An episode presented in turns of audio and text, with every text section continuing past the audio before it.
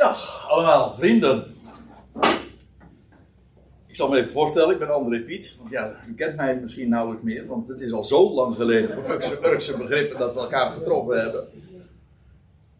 Eh, er is één maand uitgevallen, maar eh,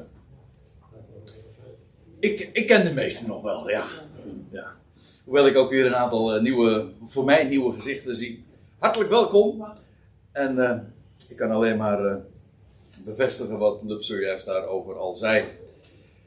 En vanmiddag, eh, vrienden, mogen wij eh, onze aandacht eens eh, bepalen bij dit onderwerp wat u achter mij hier ziet geprojecteerd. De zekerheid van onze erfenis. En u ziet daar een embleem bij, wat een uitdrukking is van garantie. 100% garantie. Wel, daarover zullen we het in een wat later stadium nog hebben. En misschien moet ik eerst eventjes iets toelichten in verband met dat onderwerp erfenis. Want u ziet dat ik het tussen aanhalingstekens heb gezet. Dat is niet voor niks, omdat er in de letterlijke zin des woords er eigenlijk geen sprake is van een erfenis. Ook in de Bijbelse gedachtegang. Want ja, eh, ik, ik in aanvang had ik namelijk het ook een andere titel meegegeven, deze studie.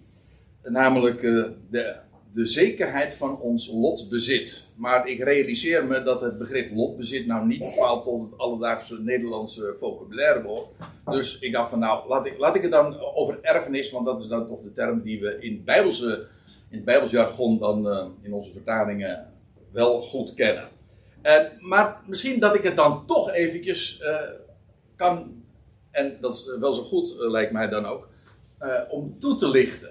Want het hele idee is, nou laat ik het eerst eventjes eh, vanuit, eh, gewoon wat wij weten vanuit het Nederlands, wat, wat verstaan we onder een erfenis. Nou, en ik heb het eventjes opgezocht om een, eh, een goede definitie te hebben. De erfenis, of nalatenschap, dat is het totaal aan bezittingen en schulden, dat kan ook nog natuurlijk, ja.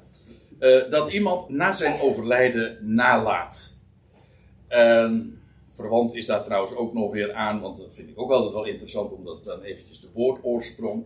Een erf is van origine het, de, de grond, dat behoort bij het huis. En zo spreken wij ook natuurlijk nog steeds over het erf.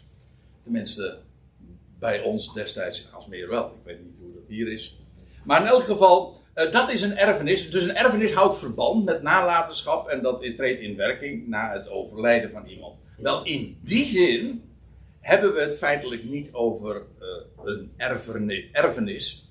En dat heeft ook alles te maken met het, het grondwoord in de Bijbel, in het Nieuwe Testament. Moet ik- Meer speciaal moet ik dan zeggen. Het Griekse woord namelijk, dat is eigenlijk letterlijk dan een lotsbezit. Het heeft te maken met loting. Iets wat je ten deel valt.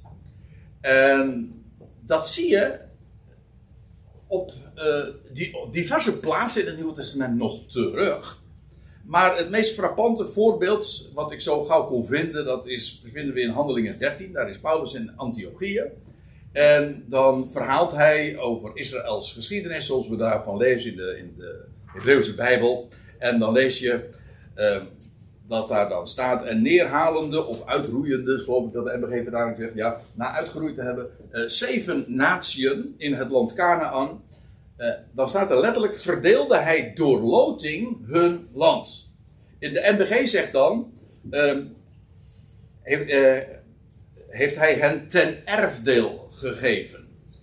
En daar is natuurlijk wat voor te zeggen, want het stuk land dat ging dan vervolgens van generatie op generatie aan hen over. Dat klopt, maar het woord wat hier letterlijk staat, en in de Statenvertaling zie je dat trouwens ook nog, dat, eh, daar, daar wordt het vertaald met door het lot uitgedeeld. En als we dat inderdaad vanuit de Bijbel terugbezien, dan zie je inderdaad dat het land niet, eh, dat was in feite geen erfenis. Ik bedoel, eh, als God dat ten, als erfenis dan geeft, dan is dat niet zo, het idee niet, hoewel eh, ook dat in onze vertalingen eh, is binnengeslopen, eh, waarbij men het woord verbond heeft vertaald met testament. En dat klopt echt niet. God maakt geen testamenten op, om de simpele reden, hij sterft niet.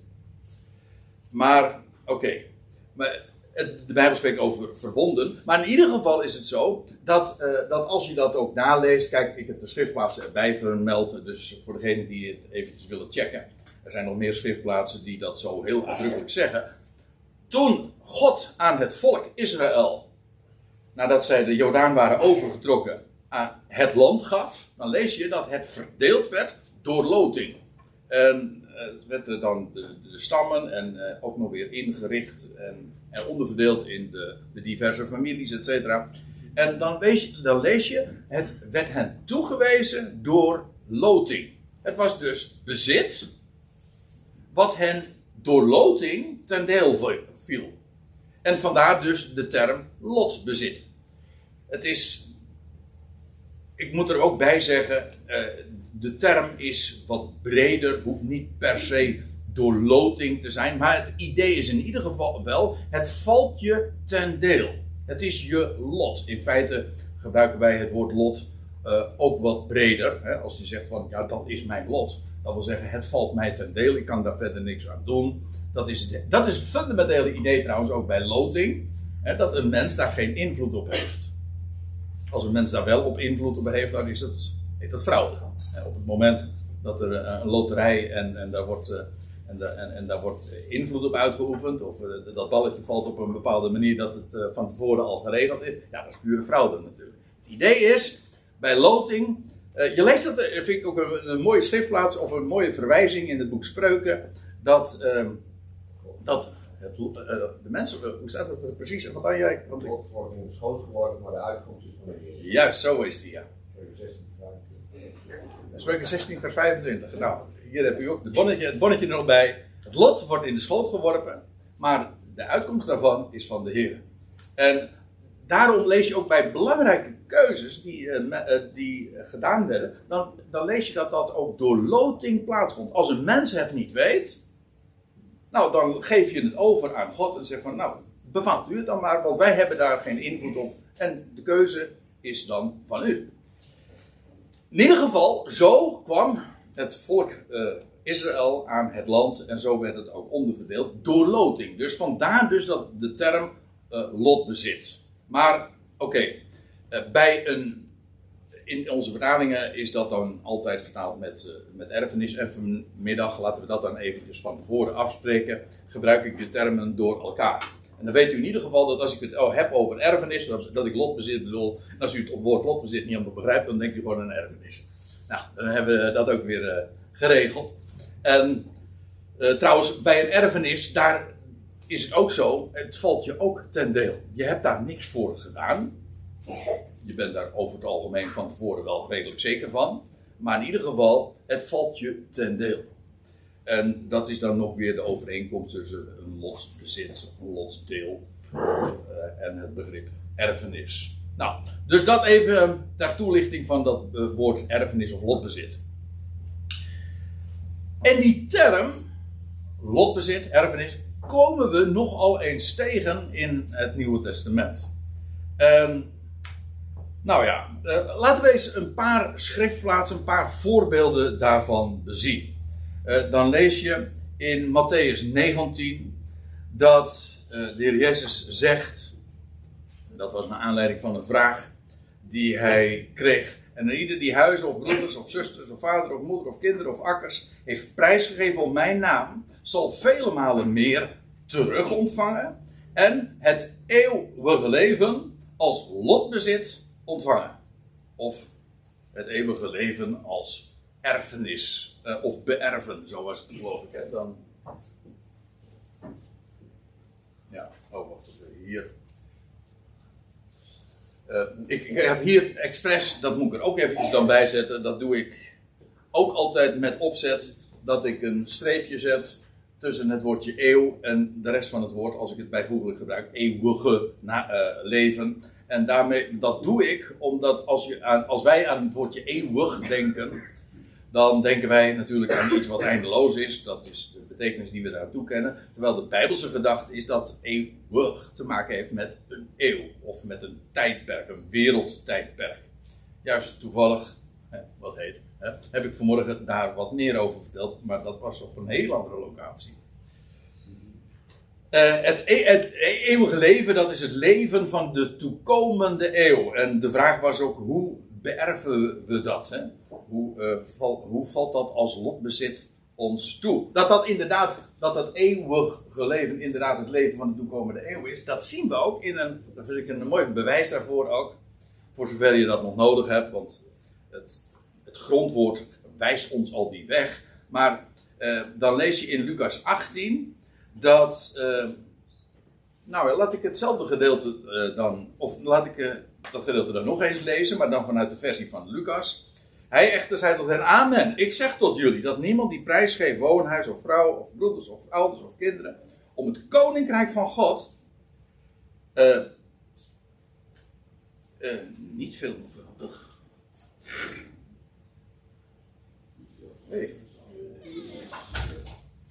Nou, eh, ik weet even niet hoe ik dat uh, dan moet lezen. Ik heb waarschijnlijk een fout hierin gemaakt, denk ik.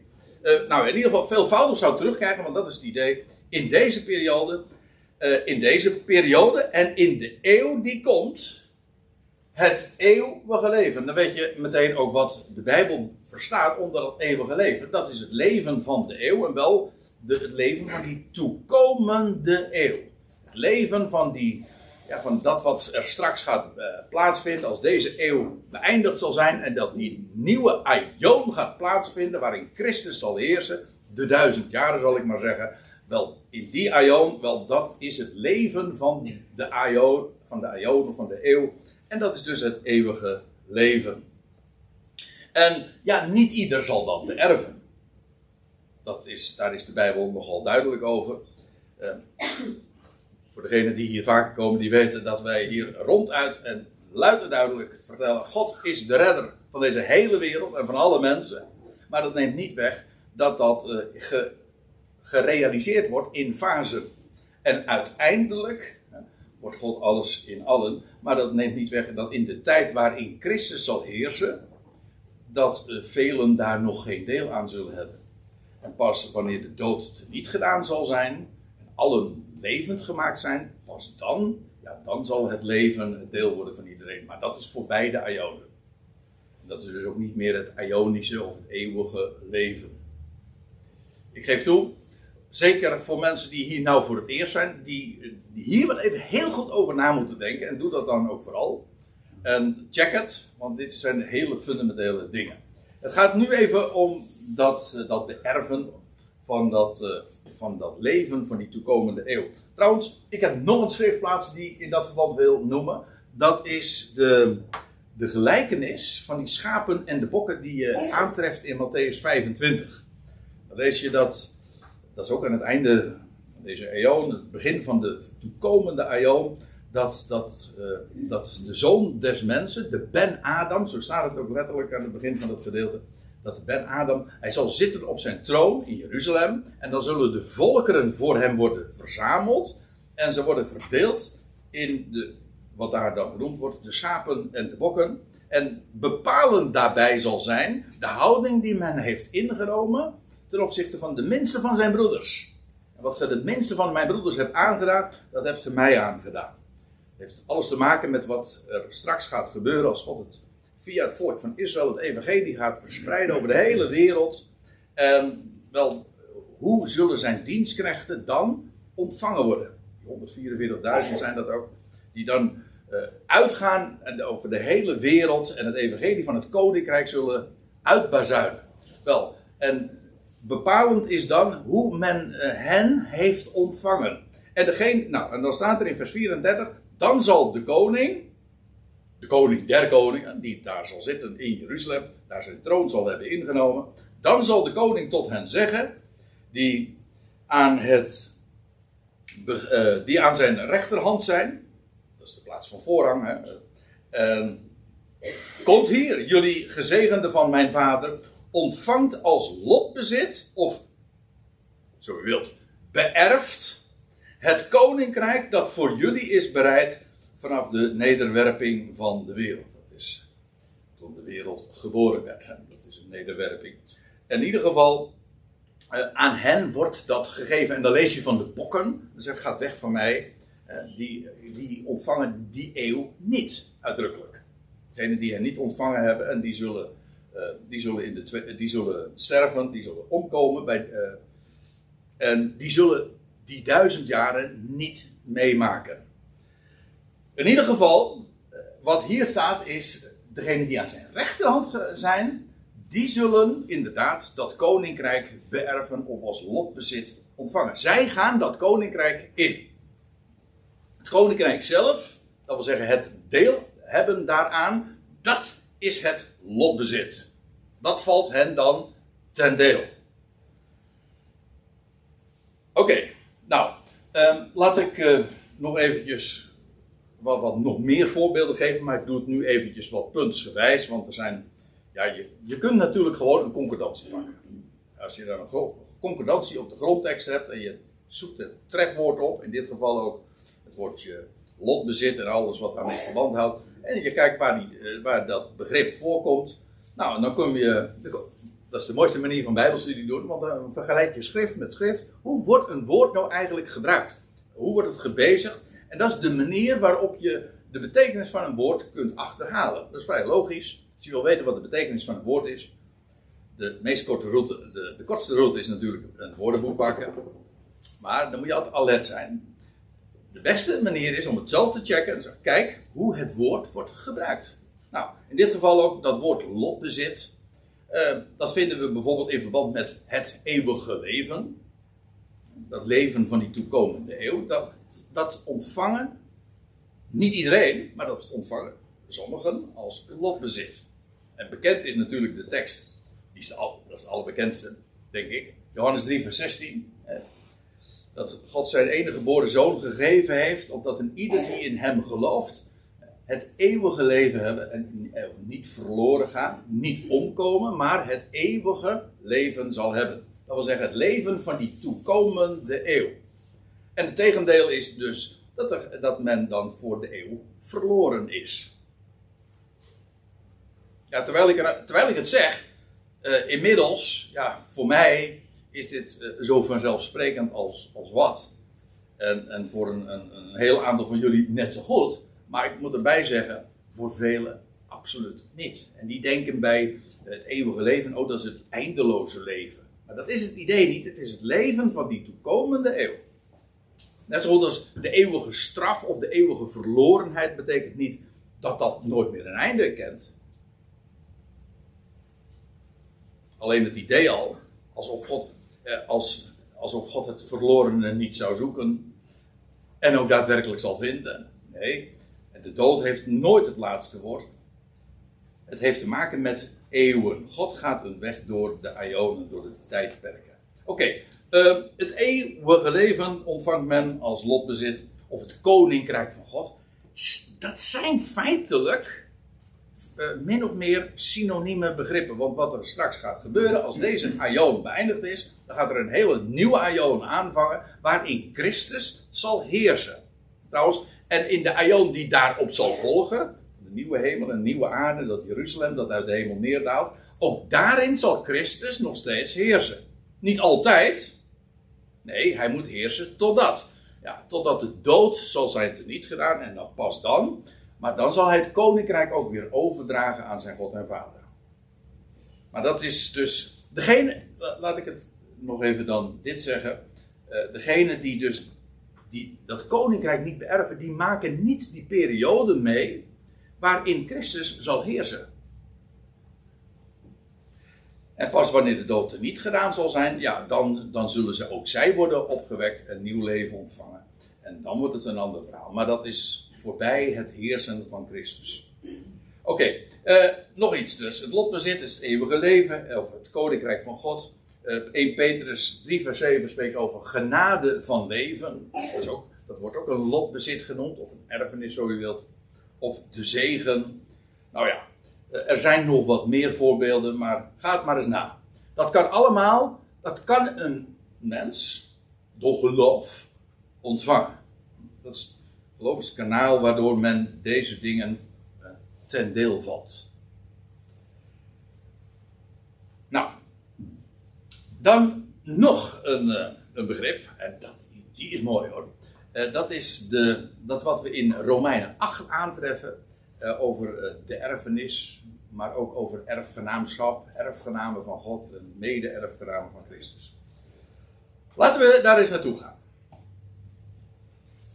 Wat wij dus vanmiddag, dat, had, dat hadden jullie waarschijnlijk al uh, in de gaten. Wat we vanmiddag gewoon doen, is, uh, is eventjes opzoeken. Al, allerlei schriftplaatsen die van belang zijn. Die allemaal gaan over dat lotbezit, over die erfenis. en dan staat er in vers 17 van Romeinen 8. Indien wij nu kinderen zijn, of indien nu kinderen, zo staat het letterlijk, dan ook lotbezitters. Oftewel, als we kinderen zijn, ja, dan ook erfgenaam. Want een kind is weggelegd ook inderdaad om het lotbezit te krijgen, of de erfenis. Uh, in Galaten 4 zie je, uh, daar wordt niet over kinderen gesproken, maar over zonen. Indien nu zoon, dan ook lotbezitter. Of erfgenaam. Hier, dit is trouwens een mooi voorbeeld waarbij de begrippen lotbezit en erfgenaamschap, uh, of met de gedachte dus echt van erfenis, heel dicht bij elkaar komen. Het valt je als bezit ten deel. En als je een kind bent, dan, dan krijg je straks ook het nalatenschap van, van de vader of van de ouders. En in feite, in de Bijbel is het woordje zoon zelfs synoniem met uh, erfgenaam. Een zoon is eigenlijk een, niks anders dan een erfgenaam. Dat is de definitie daarvan. Een zoon hoeft in de Bijbel zelfs niet eens letterlijk een, een kind te zijn van een, een, een lijfelijke of biologische nakomeling. Nee, maar dan toch kan. Je leest bijvoorbeeld van Elisa dat hij tegen Elia zegt: uh, hij, roept hem aan als vader. Hoezo? Was Elia de vader van uh, Elisa? Ja, in zekere zin wel, want hij kreeg namelijk dat wat hij, Elia bezat, het profeetschap, dat viel ten deel. De mantel, de mantel van Elia kwam terecht bij Elisa. Dus dat viel hem ten deel. En vandaar ook dat Elisa zijn vader genoemd wordt. Je leest ook dat David uh, Saul aanspreekt als vader. En je zou kunnen zeggen van ja, maar dat kwam op omdat het een schoonvader was. Maar het is vooral ook omdat de troon van Saul terecht kwam bij David. En vandaar dat David inderdaad de zoon is van, van Saul. ik bedoel dit te zeggen. Uh, een zoon is in feite uh, een begrip wat je gewoon kunt, een is kan zetten met erfgenaam of lotbezitter. Dat valt jou dan ten deel. Als je een zoon bent, dan ook een erfgenaam. En feitelijk, als je dat in Romeinen 8 nog eventjes door zou lezen, dan zie je ook dat aan ons de geest, Gods geest, van het zoonschap is gegeven. Dat hebben, we hebben nu reeds, als wij, als we vandaag mogen geloven in, onze Heer, in de Heer Jezus Christus, dan ontvang je de geest, daar kom ik straks nog even op terug. Dan ontvang je de geest, zijn woord, dat is geest, en dat is de geest van het zoonschap. Het zoonschap of de zoonstelling zelf wacht nog tot de toekomst, want dat lees je dan in, in, vers 8, in hoofdstuk 8, vers 15 lees je dat we nu de geest van het zoonschap hebben ontvangen, waardoor wij zeggen, Abba, vader. Ja, maar de zoon, het zoonschap of de zoonstelling, letterlijk, uh, dat, is, dat is toekomstig. En wat is dat namelijk? Nou, dat staat erbij in Romeinen 8, vers 23. In afwachting van, hoe staat het er? Uh,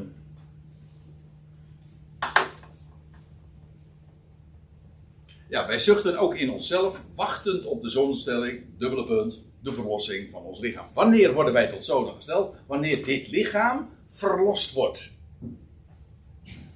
Op dat moment valt het lotbezit, in feite de hele schepping, daar kom ik straks nog even op terug, dat valt ons dan ten deel. Maar de geest van het zoonschap, die hebben we nu al. En zelfs als, dat is feitelijk ook het onderpand. Dat zijn dus twee verschillende dingen. Het is, oh, ja, ligt een beetje in de lijn van de onderwerpen waar ik het vandaag dan over heb. Maar eh, ook dit zijn van die begrippen die zo vaak eh, door elkaar lopen en verward worden. Dat, de meeste mensen hebben ook totaal geen idee van het verschil tussen het Bijbelse idee van kindschap en van zoonschap. En verwarren dat. Sterker nog, in onze Bijbelvertalingen wordt dat, ook, in, ook de Statenvertaling moet ik erbij zeggen, die gooien die begrippen vaak door elkaar. Dan staat er letterlijk zoonschap en dan vertaalt men kindschap. Terwijl dat echt hele verschillende dingen zijn. Het kindschap denken we aan het feit dat we dezelfde oorsprong hebben en door God verwekt zijn. Bij zoonschap denken we aan erfgenaamschap. Aan het feit dat, dat lotbezit ons ten deel valt. Dat zijn twee verschillende dingen. Een kind. Uh, een kind wordt wel geacht een zoon te worden, dat is wat anders. Maar dat zijn toch niettemin twee verschillende dingen. Indien uw kinderen dan ook lotbezitters. En dan staat er uh, nog even verder in, in datzelfde vers van uh, Romeinen 8. Indien uw kinderen dan ook lotbezitters, slash erfgenamen. Lotbezitters van God en samen lotbezitters van Christus. En als u hecht, gehecht bent aan, het, uh, aan de, de, oude versie van erfgenamen van God, we ontvangen de, van God de erfenis, ja, maar samen met Christus, dat wil zeggen, zo staat het in de MBG-vertaling ook, mede-erfgenamen van Christus. Dat wil zeggen, aan hem valt de erfenis, het lotbezit ten deel, maar niet alleen aan hem, maar ook aan ons.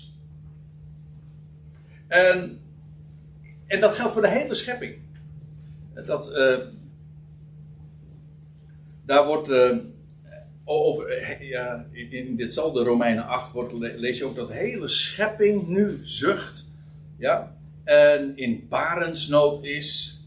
Maar uh, ze is met, met opgestoken hoofden lees je dan. En waarom? Wel, de verwachting is. De verwachting is dat deze schepping ten deel zal vallen in de praktijk ook aan ja, de enige echte ware erfgenaam. De zoon van God, die, die ook de, de Ben Adam is, de, de erfgenaam van Adam, of zo u wilt, de erfgenaam van David. Hij zal de troon gaan bezitten.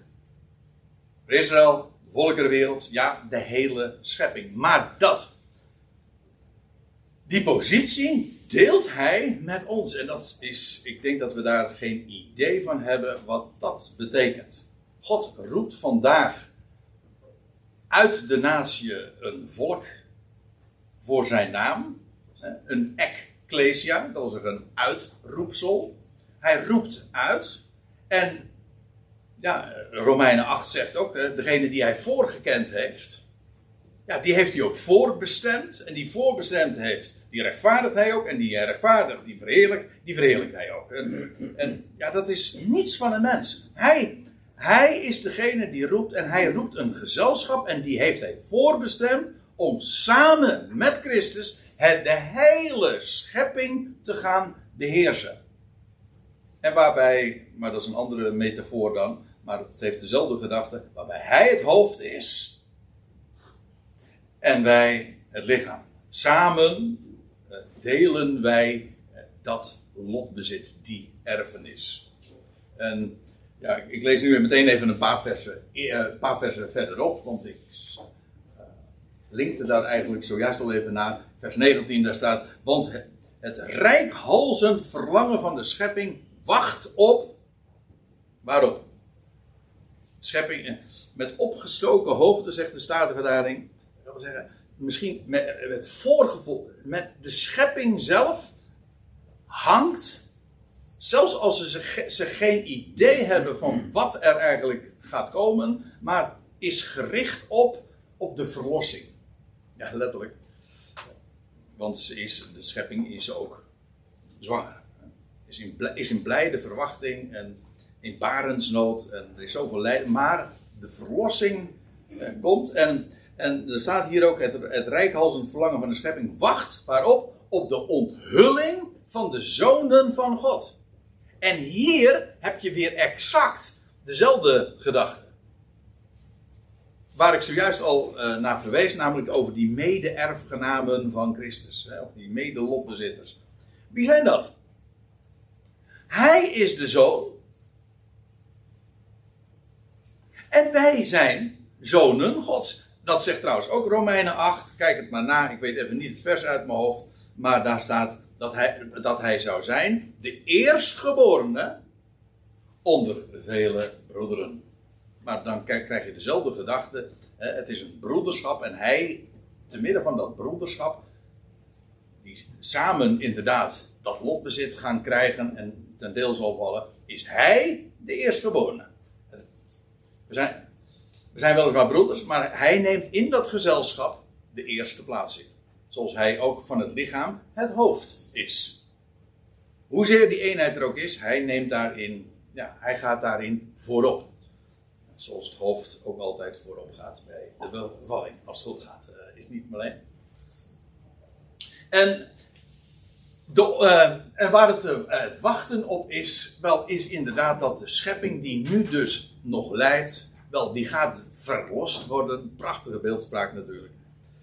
En, en het wacht op de openbaring. Dat is ook een mooie in het Nederlands ik weet niet of het helemaal terecht is wat ik nu ga zeggen, maar in ieder geval de onthulling, de apocalyps. Want wat er gebeurt bij, de, bij een bevalling is dat er iets wat verborgen was, onthuld zal worden.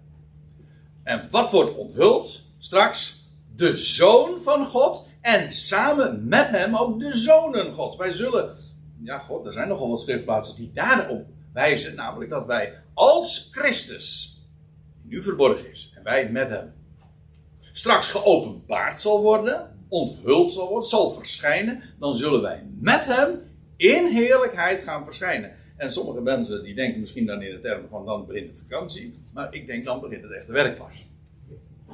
Ja, sorry, ik weet niet of ik u teleurstel, maar dat is, dat is de gedachte. Het idee is niet dat we, dat we vakantie gaan houden. Het idee is, er is een enorme taak.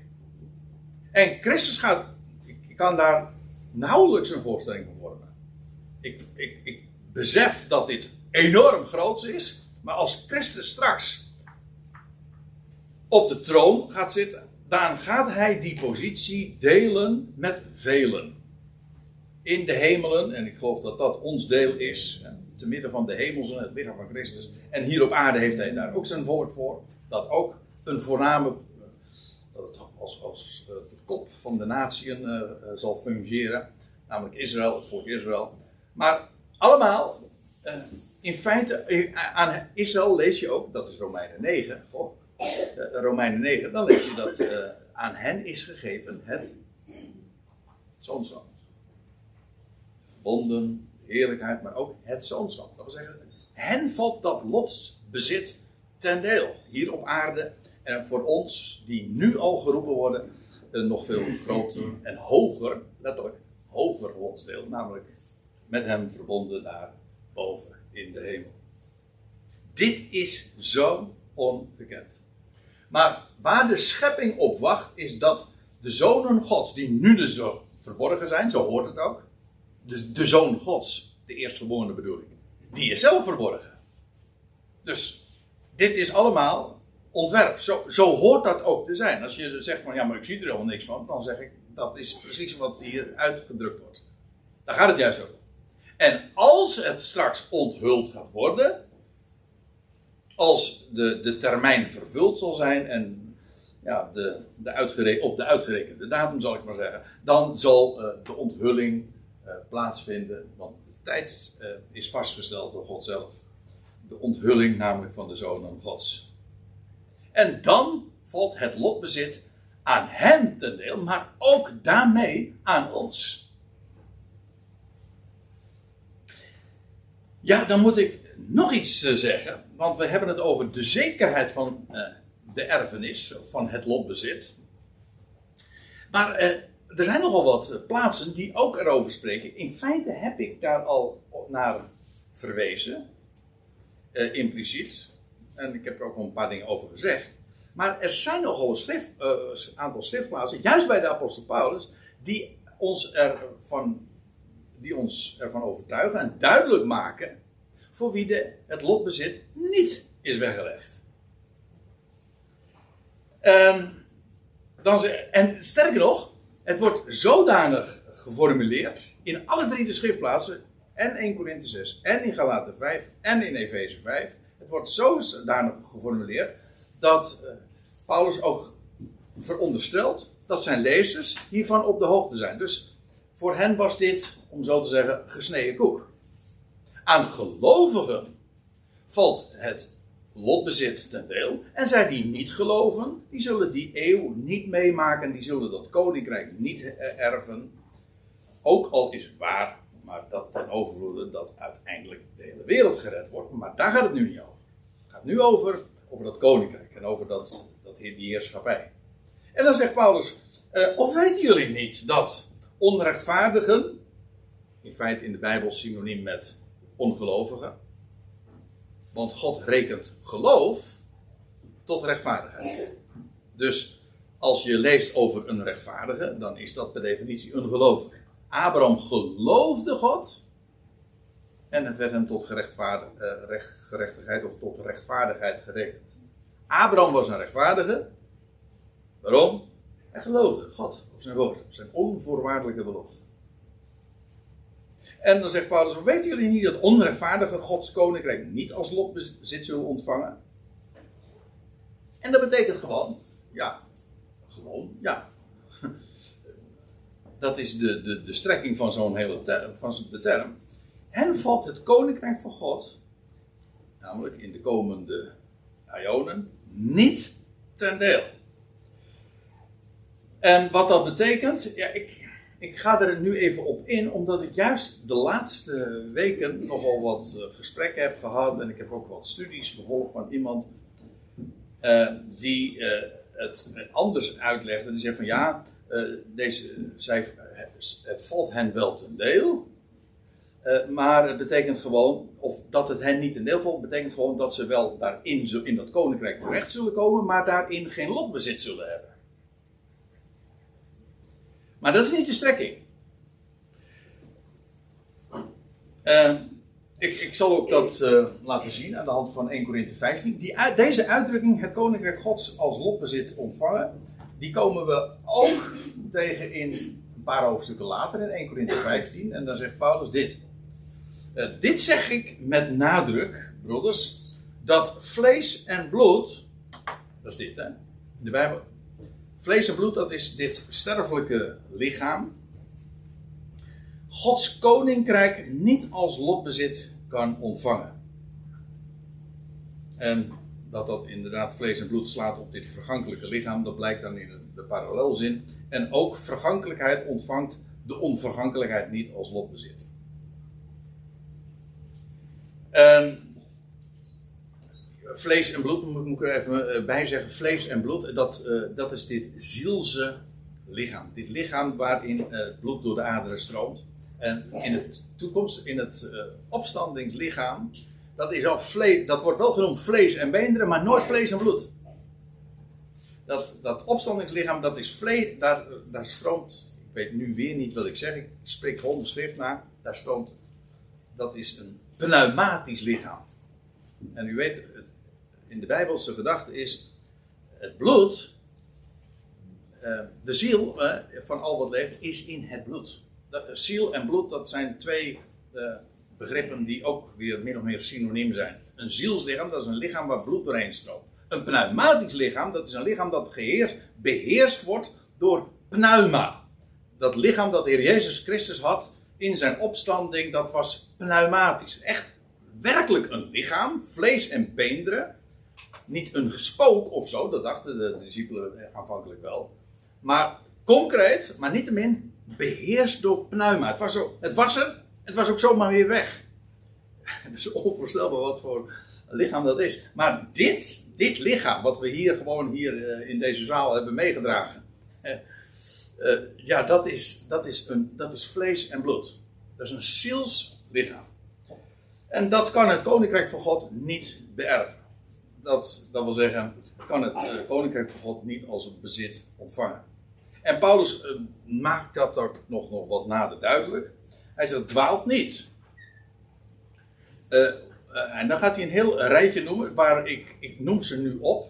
We zouden bij een andere gelegenheid, hoewel het een beetje vermoeiend is, vind ik, om, om er al te diep op in te gaan. maar om dan toch in elk geval te weten waar we het over hebben. Maar Paulus zegt dan, hoereders, nog afgodendienaars, nog echtbrekers, nog schandknapen, nog mannenliggers. Dat mag je tegenwoordig eigenlijk niet zeggen natuurlijk.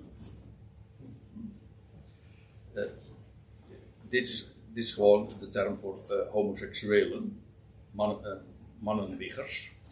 nog dieven, nog oplichters, of dronkaards, of lasteraars, of rovers. Gods koninkrijk als lotbezit zullen ontvangen. En ja, dit is iets.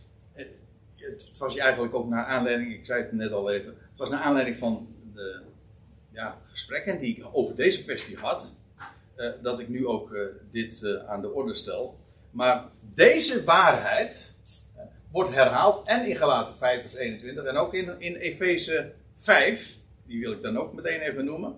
Ik, voordat ik er nog wat meer over wil zeggen, ga ik eerst nog eventjes naar Efeze 5. Daar zegt Paulus dit. Want hiermee zijn jullie bekend en jullie weten, heb je het weer. Hij zegt exact, nou niet exact hetzelfde, maar dezelfde waarheid brengt hij hier ook tot de uitdrukking. En wat hij hier ook zegt is, jullie weten dat. Jullie zijn hiermee bekend, waarmee eigenlijk ook gezegd is, dit is, dit is, maakt deel uit van het onderwijs dat ik jullie geef. Dat geen hoereerder onrein of oplichter, dus afgodendienaar, lot bezet heeft in het koninkrijk van Christus en van God. En het is eigenlijk ook naar aanleiding van deze tekst dat men dat dan zo dan uitlegt van, dan zeggen ja, ze betekent, betekent niet dat ze het koninkrijk van God niet ontvangen, maar dat ze in dat koninkrijk geen, geen lotbezit hebben. Maar dat is niet de gedachte. Het is omgekeerd. Men ontvangt het koninkrijk niet en daarom heeft men ook in dat koninkrijk geen lotbezit. En ik, ik, kom nu weer even terug bij 1 Korinthe 6, want nu moeten we eventjes echt goed de puntjes op de i zetten om goed te begrijpen wat Paulus hier zegt.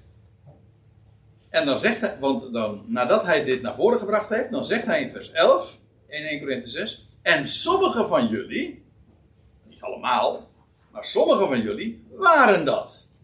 Maar, zegt hij, jullie worden schoongewassen. Ik vind het zo mooi dat Paulus dit schrijft aan de Corinthiërs.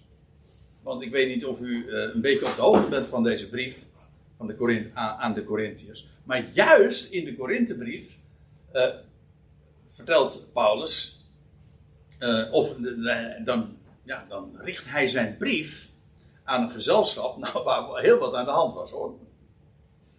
En er was sprake van hoererij, van, ook van afgoderij. Hij waarschuwt juist hen daarvoor. En toch zegt hij, sommige van jullie waren dat. Afgodendieners, onrechtvaardige, oplichter, dieven, nou ja, en, enzovoorts.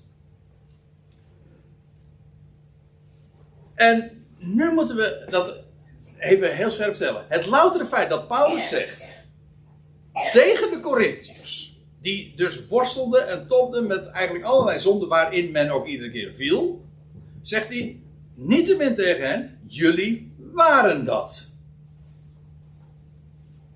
Betekent dat zij dus nooit meer in afgoderij of hoererij of, nou ja, in die hele lijst, gelaten de lijst trouwens nog langer, dat ze daar nooit meer in vielen? Hij bepaalt niet. Daarom zegt hij ook, uh, uh, in, de, in dezezelfde brief. Wie meent te staan, zie toe dat hij niet vallen. En dan heeft hij het ook, kijk het maar na in 1 Corinthië 10, dan heeft hij het over afgoderij, heeft hij het over hoerij. Dat kan dus wel degelijk. Maar, en het verhaal is, zij zijn niet meer zo. Een gelovige, er iemand die geroepen is, die is inmiddels gerechtvaardigd en die is gewassen. En die heeft een nieuwe identiteit. En ja, u, vraagt zich natuurlijk af waarom dat plaatje. Nou, ik bedoel dit te zeggen. Kijk, uh, ik weet niet eens of u het eh, goed ziet, maar het, plaatje hier uh, links, dat, uh, dat is een varken. En, een var en rechts is uiteraard een schaap. En het, wat is het verschil? Nou, onder andere dit. Een schaap, oh, een, een varken die uh, bevindt zich, die doet niet liever dan in de modder zitten. En die is dan helemaal in zijn element. Een schaap daar, kan een schaap ook in de modder terechtkomen? Jazeker, dat kan heel goed. maar dat, dan is een schaap niet in zijn element. Dan moet hij vaak ook geholpen worden om eruit getrokken te worden, et cetera. Dat is. De... Het verschil tussen een, een, varken en een schaap is: dit, bij een varken hoort het, bij een schaap niet. Dan is hij niet meer in zijn element. Ondanks het feit dat hij daar wel degelijk ook nog in kan vallen.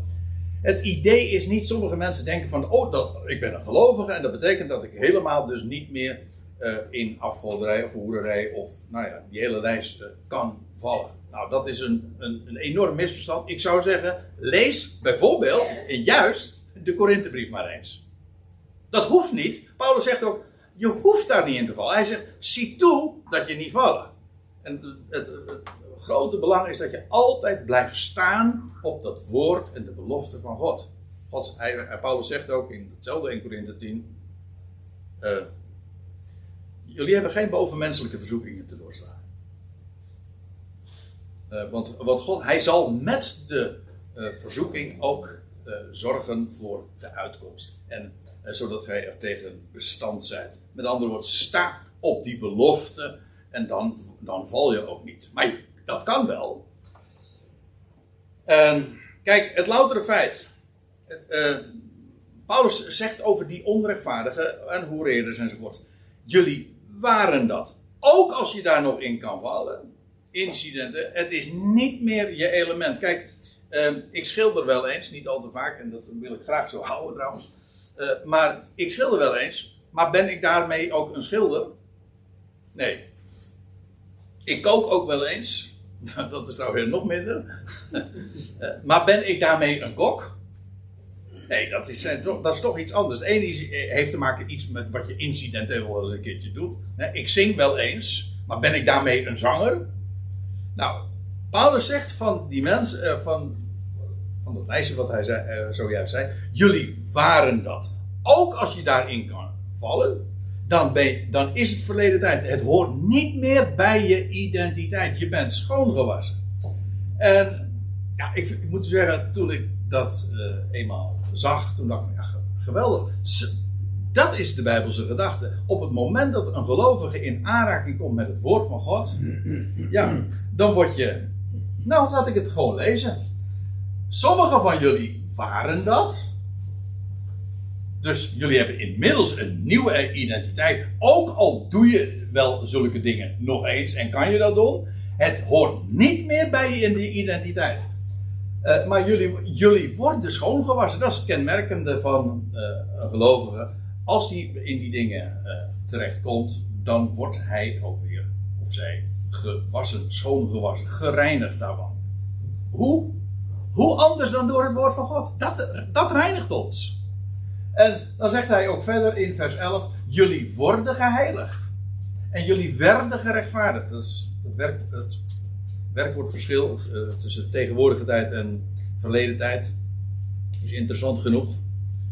Het ene heeft te maken met een proces dat plaatsvindt en nog steeds plaatsvindt. Het andere is: Jullie werden gerechtvaardigd. Dat is, dat is in het verleden.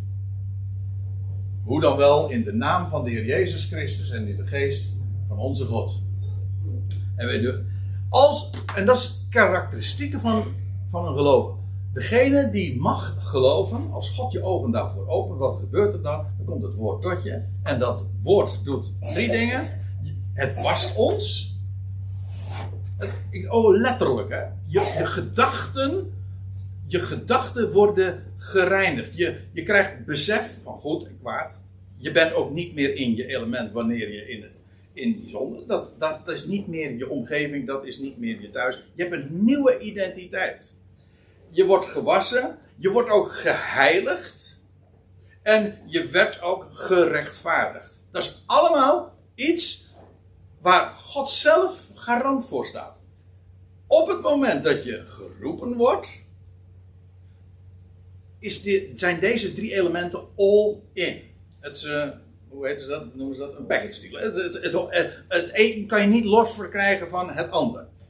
Als hij met zijn woord tot je komt, dan wast hij je, dan heiligt hij je en dan rechtvaardigt hij je. In eigenlijk omgekeerde volgorde, denk ik, maar goed.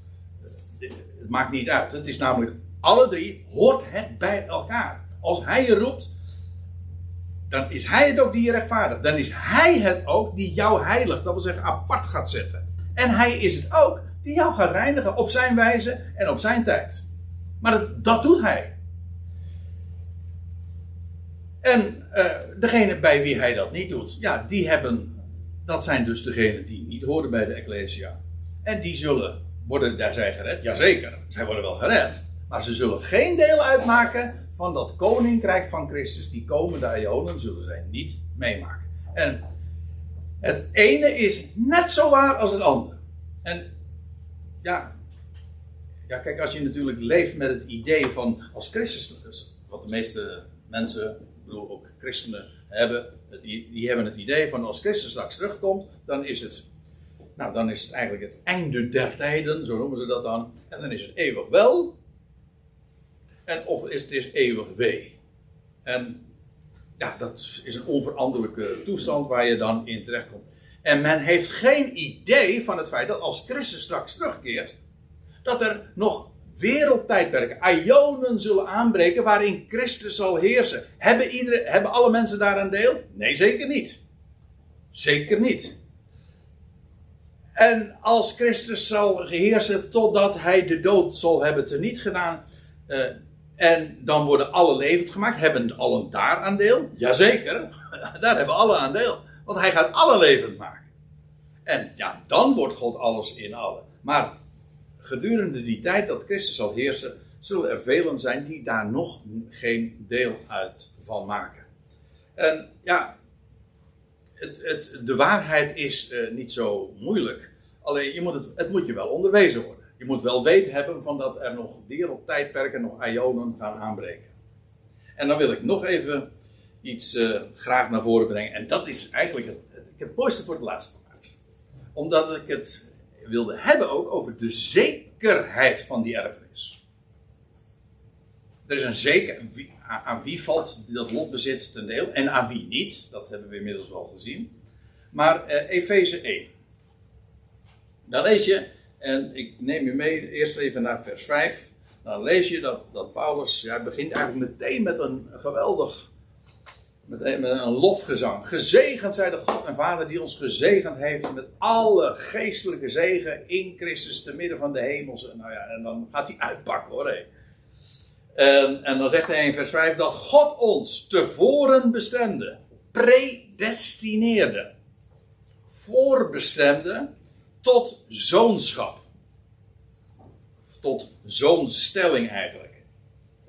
Ja, en wanneer gebeurt dat? Nou, we hadden het al over. We hebben nu al de geest van het zoonschap. En straks wordt dat daadwerkelijk, als ons lichaam verlost wordt, dan, eh, dan, dan worden we daadwerkelijk ook zonen. Dat is de vervulling van het zoonschap. En hoe, hoe is dat ons ten deel gevallen? Nou, ja, als een lot uit de loterij. God best, ik bedoel, ver voordat wij er waren. Paulus zegt in, in, nog twee versen eerder, dan zegt hij, voor de nederwerping der wereld. Had God dat plan al. En heeft hij mensen voorbestemd, geroepen. Het is onvoorstelbaar, maar heeft hij uitgekozen.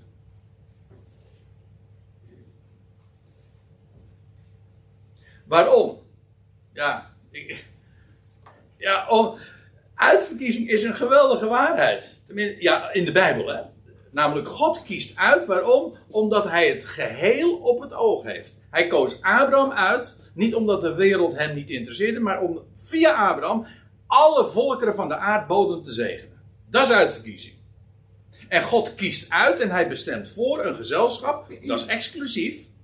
Eh, als je daar mag, eh, toe mag behoren. Als God nu al je ogen opent dan hoor je bij een gezelschap waar je al voorbestemd bent tot het zoonschap. Waarom? Waarom ik? Nou, dan zeg ik, we zullen straks ook letterlijk zien. Het, hè? het is zijn plan en zijn wil. Ja, en het valt je ten deel. Het is, het is, je, het is inderdaad een lot. Ik vind, het is een lot uit de loterij. Het valt je ten deel.